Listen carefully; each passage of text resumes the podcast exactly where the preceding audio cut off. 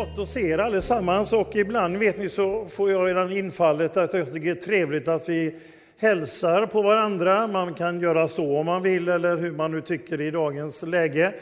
Eh, och så använder man sitt modersmål och mitt är gött att se dig. Eh, men ni tar ert modersmål. Ska vi stå upp och vända oss till varandra och säga gött att se dig? På vilket språk ni vill. Som passar. Ja. Tur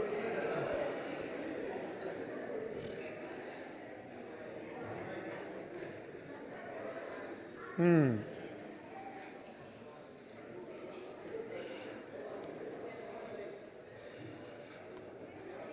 Härligt. Jag kan använda min eh, brasilianska och säga tudo bem. Mm, tudo bem. Franskan bonjour à tous. Bonjour. Mm. Um. Ja, eh. Idag så är det fastlagssöndagen, kärlekens väg och jag har kallat det för möten med Jesus på kärlekens väg. För eh, det händer ju lite spännande saker när Jesus är på väg från Jerusalem, på att säga, men från Jeriko till Jerusalem. Och eh, innan vi läser text så kan jag säga att sättningen är på det här sättet att Jesus och lärjungarna och många människor kommer in i Jeriko. Eh, och där är de en stund och eh, sedan så tar de sig upp till Jerusalem. På vägen in så har Jesus talat om sin död och lärjungarna har inte fattat någonting av detta. Istället så är det två lärjungar som får en väldigt briljant idé, tycker de själva, och de får med sin mamma som taleskvinna till Jesus. Och när de andra lärjungarna får höra talas om det så blir de jättesura. Det är den delen. Eh, sen möter Jesus en blind man när han går in i Jeriko, en blind man när han går ut ur Jeriko och så träffar han en man som tycker om att klättra i trä. I medelåldern möter han inne i Jeriko. Eh, jag vet inte om ni har mött någon. Är det någon som tycker om att klättra i trä här idag? Jag vet faktiskt inte. Jag funderar på det själv när jag klättrade i trä senast. Jag kunde inte komma på det. Men eh, jag vet att eh, vi har haft en församlingsmedlem som är hemma hos Herren som klättrar i träd långt efter pensionsåldern. Klättrade han högt upp i träd för det tyckte han var roligt. Ja. Och vi möter en sådan man i eh, den här staden, i Jeriko, och sen möter vi två västerlänningar som möter Jesus. Så det är liksom scenariot. Sen så kommer man in i den ort på jorden som är lägst under havsytan. Det är 276 meter under havet. Det är alltså världens lägsta plats som är bebodd på jordklotet är i Jeriko, så man är långt under havsytan. Och sen ska man upp 800 meter ligger Jerusalem, så det är tusen meters eh, geografisk höjning. Det är två och en halv mil att gå. Och jag läste på lite olika vandrare som hade gått. Det var någon som hade gått på åtta timmar. Men då skrev han att det var så många som ville ha rast så hade jag fått gått själv så hade jag gått sex. Ja. Jag vet inte hur många timmar det tar att gå den vägen och Jesus hade inte bråttom.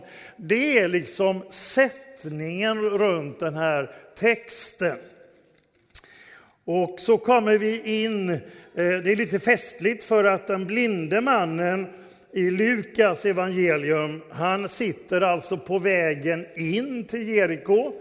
Eh, när man läser sedan eh, i, Markus så sitter han på vägen ut ur Jeriko. Eh, och Matteus har för säkerhets skull tagit bägge två och satt dem utanför på vägen ut ur Jeriko. Så vem vet, är det en eller två eller ja, hur som helst. De sitter där i alla fall, om det nu är på inresan eller utresan, eller bägge delarna. Låt oss be tillsammans. Tack Gud att du vill välsigna ditt ord för oss när vi nu läser det och tar det till oss i Jesu namn. Amen. Så när Jesus har talat om att han ska lida och dö och det är de på väg upp mot Jerusalem så fattar lärjungarna ingenting. Och jag vill återkomma till deras diskussion som de tyckte var lite intressantare än vad Jesus berättade för något obegripligt. Och sedan så närmar de sig Jeriko, det här i vers 35 i Lukas 18.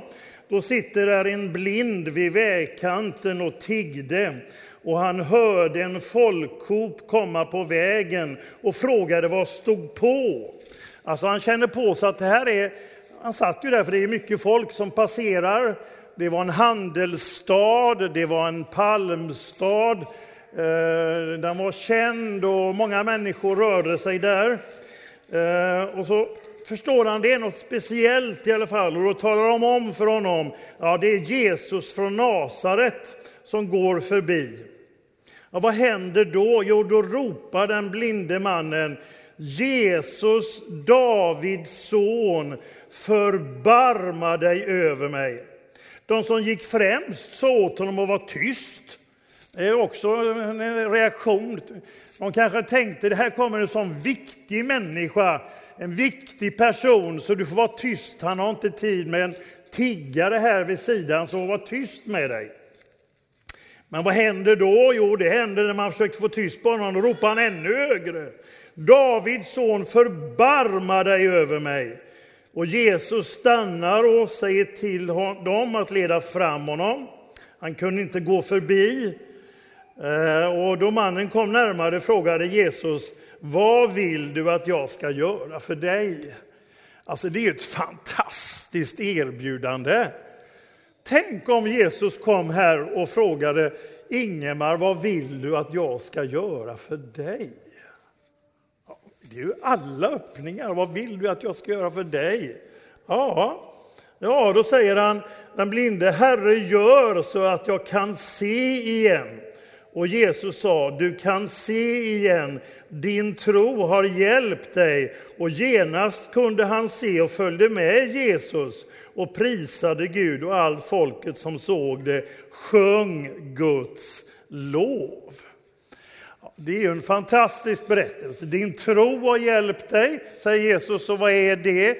Jo, det är att man talar om att jag behöver något. Det är vad tro är i det här sammanhanget. Jag behöver något. Jag vill kunna se. Det är vad tron är. Jag behöver något.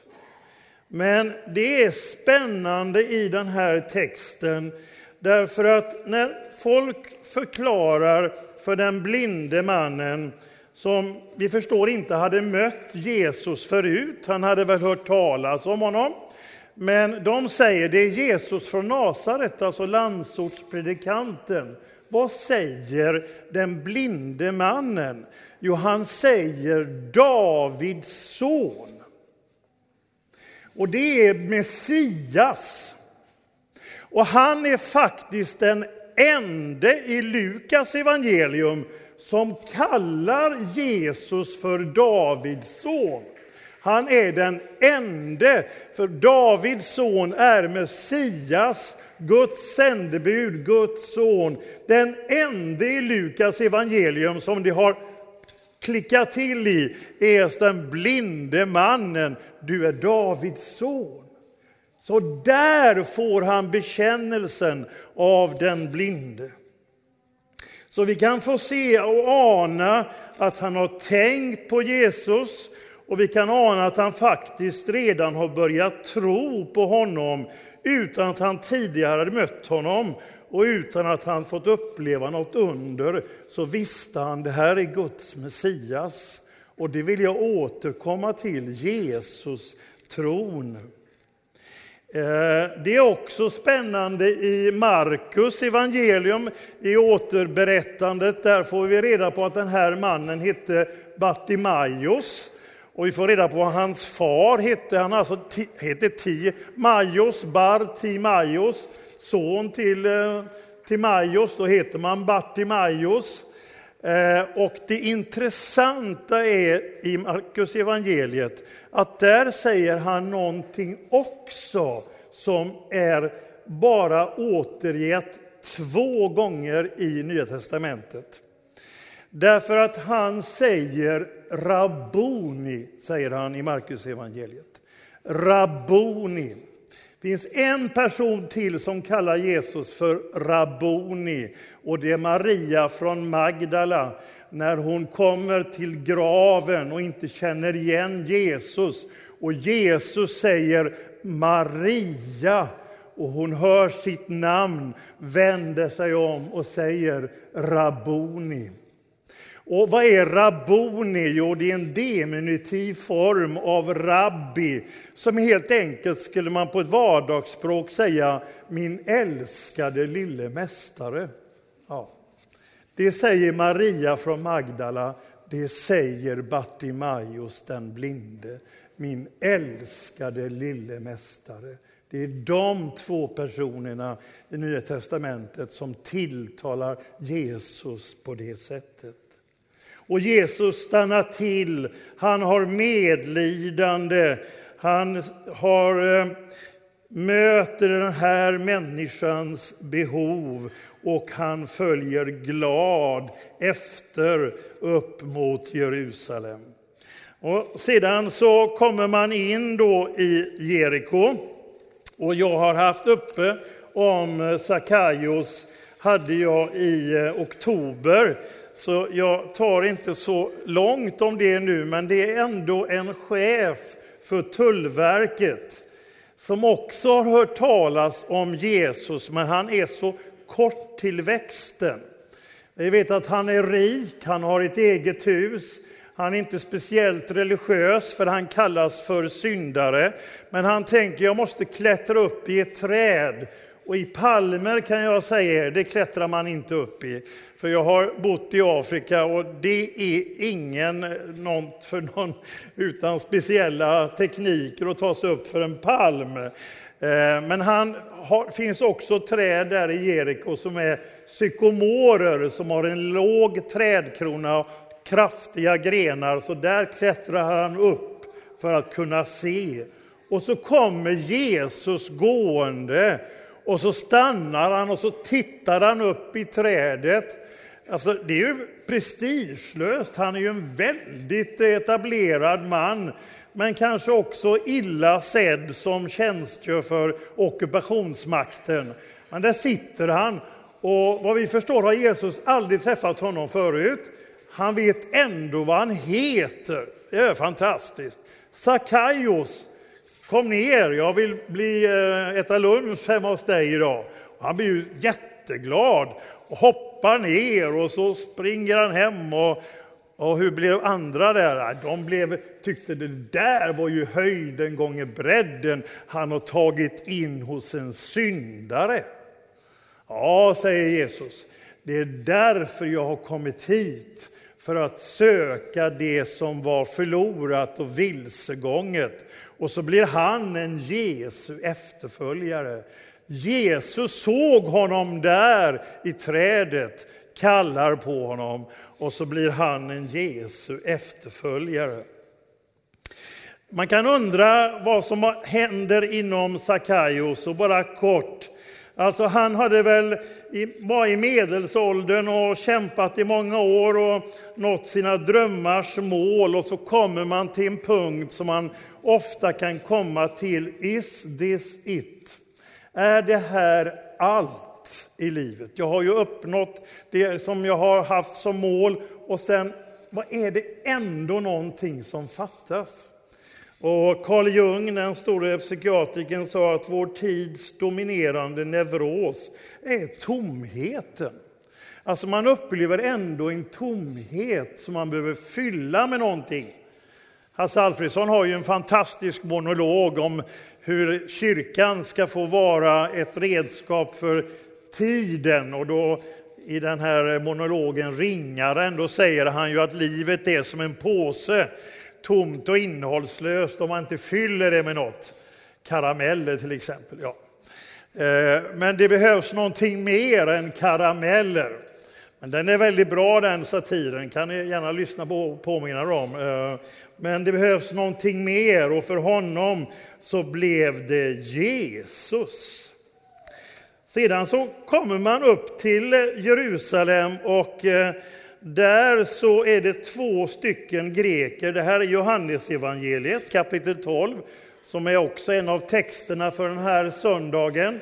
Eh, och då kommer de här två grekerna, alltså två västerlänningar Eh, och säger till Filippos, och det är bara i Johannesevangeliet som Filippos är omnämnd och lite berättat. Han nämns i Matteus 10, men inget mer. Men i Johannesevangeliet får vi reda på lite mer. Och Filippos är lite kul, för det betyder hästälskare. Så det hade Jesus i sina lärjungaskap som var hästälskare. Eh, och då tänker han, jag får gå till Andreas. Och Andreas är också bara omnämnd i Johannes evangeliet vad han gör för någonting. Och det är spännande, Andreas betyder manlighet. Och vad gör Andreas i Johannes evangelien i de ställen där han omtalas? Jo, han för människor till Jesus. Det är vad han gör. I Johannes 1 så för han sin bror Simon Petrus till Jesus.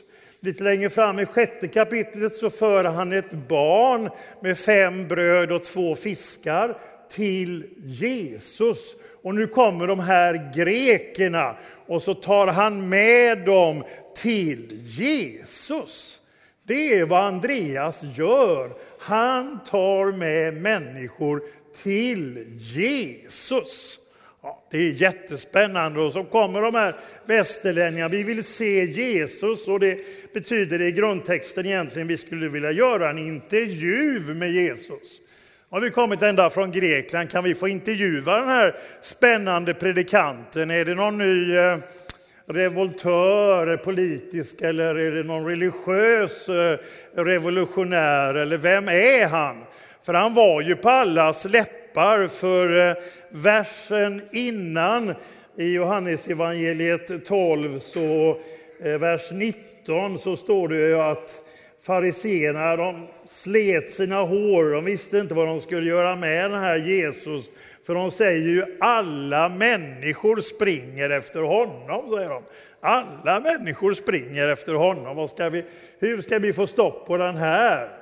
Och så kommer västerlänningarna och det blir ju ett skop för dem om de kan få berätta, vi har mött den här Jesus. Och så tar man med sig den berättelsen tillbaka till Grekland. Ja, vad händer? Ja, det är ju så att Jesus för dem rakt in i hans lidande och död. För han säger så här, han talar om ett av naturens mirakler, nämligen vetekornets lag. Det är något väldigt förundligt om du har ett vetekorn i handen och det får vara där så händer det ingenting. Det är ett ensamt korn. Men stoppar du ner det i jorden så dör det här rent fysiskt, så dör vetekornet och så kommer det upp frö och ax och bär en rik skörd. Så säger Jesus till de här grekerna och lärjungarna att så är det för mig. Om jag inte dör så förblir det ett ensamt korn, men genom döden så kommer det att bära en rik skörd. Vad då? Jo, den världsvida kyrkan som vi ser sedan Jesus till vår tids dag, skörden av att han gav sitt liv. Han vandrar kärlekens väg, den ende Gud med sår och med några få ord så för han dem rakt in i den kristna trons centrum. Vi vet inte hur det går för de här grekerna, hur de liksom härbärgerade, men där talar Jesus om precis varför han lider, dör och kommer att få med en stor skörd. Jag tycker det är så intressant i dagens samhälle med Jesus. Det är alltid intressant med Jesus, men eh, jag har tyckt det var spännande att följa Pugh Rogefeldts eh, sista år eh, där han skriver salmer och sånger. Tyvärr så avled han i en svår sjukdom och kunde inte fortsätta.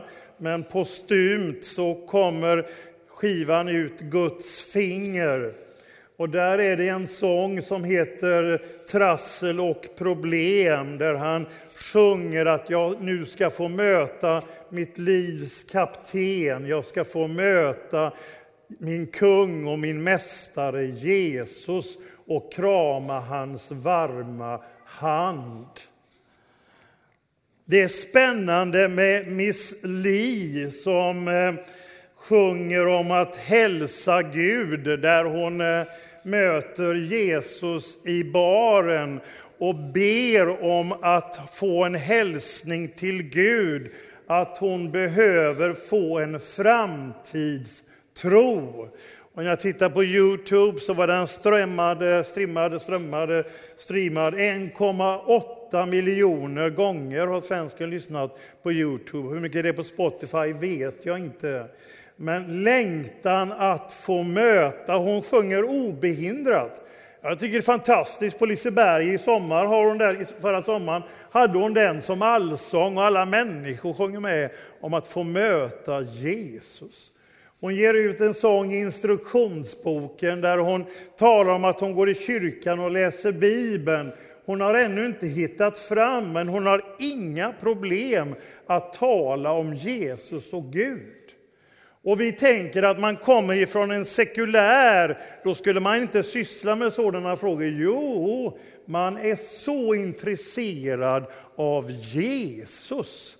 Och det gäller för kyrkan och församlingen att vara på tårna på den Jesusintresse som finns också bland de unga i vår samtid idag.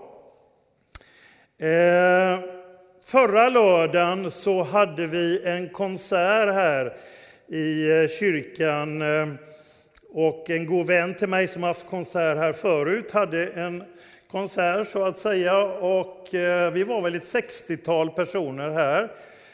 Sex personer av dem, Eh, jag var lite vaktmästare också, så jag såg ju att eh, sex personer av de 60 eh, firar gudstjänst här normalt. De övriga gör inte det.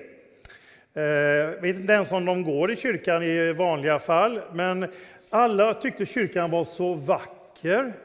Det var en sån speciell atmosfär. Man kunde få lyssna till de tre musikerna och sången. Eh, inget ölskrålande och jobbigt, utan fokus. Och så hade de bett att jag skulle be Guds välsignelse på slutet. Och så ber jag Guds välsignelse över alla de församlade och alla är berörda och upplever att här är det någonting speciellt. Och så träffar man olika människor. Jag träffade några som vi var på Konstrundan i förra våren och så kom de hit och möten med människor och samtal. Alla var berörda. Dick Harrison, professorn i eh, Lund i historia, hade en kolumn i tidningen Dagen den 19 januari i år Eh, där han är så förvånad att han har varit eh, ansatt från vissa i kultureliten eh, som är Jesusförnekare. Därför att internationellt är frågan om Jesus hade funnits eller inte, det är en stendöd fråga, alltså icke-fråga. Det är ingen som ifrågasätter det, men i Sverige finns det några som tycker att det är bara ett påhitt. Och han är så förvånad att han har varit så ansatt när han skrev boken om Jesus och där han även eh, inte ser någon annan, som jag tolkar honom och förstår honom, Eh, möjligheten att Jesus har uppstått och han är frimodig i sina slutsatser om Jesus. Eh, men så säger han om jag skulle talat om Julius Caesar att han funnits och tagit argument så då hade ingen sagt någonting annat. Men när det gäller Jesus så säger de att jag är vidskeplig eller dåligt påläst eller lika dum som en kristen präst, säger de. Ja. Och då säger han så här det enda svar som jag kommer fram till är att Jesus berör. Hans budskap gör skillnad. Jesus provocerar och kräver ställningstagande. Och detta på ett andligt fält som det har blivit kutym att nonchalera i Sverige bland vissa. Jesus är fortfarande två millennier efter sin död så kontroversiell att hans kritiker inte bara vänder sig mot honom utan försöker få världen att tro att han är ett påhitt. Men just genom dessa aktioner bevisar de ju själva att evangeliernas budskap inte har mist ett uns av sin sprängkraft. Ja. Amen kan vi säga till det. Ja, nu ska ni få se två bilder från en annan frimodig kristen här i Falkenberg. Vet ni vem detta är? Ja, det är en fotbollsspelare. Vad heter han? Godwin Agoda heter han. Han var vår bästa målgörare i Falkenbergs FF förra året. Han, eh, han har skrivit på ett treårskontrakt, det är vi tacksamma för. Eh, vi ser fram emot eh, Helenas pappa och jag och många andra när fotbollssäsongen börjar, slutet på mars.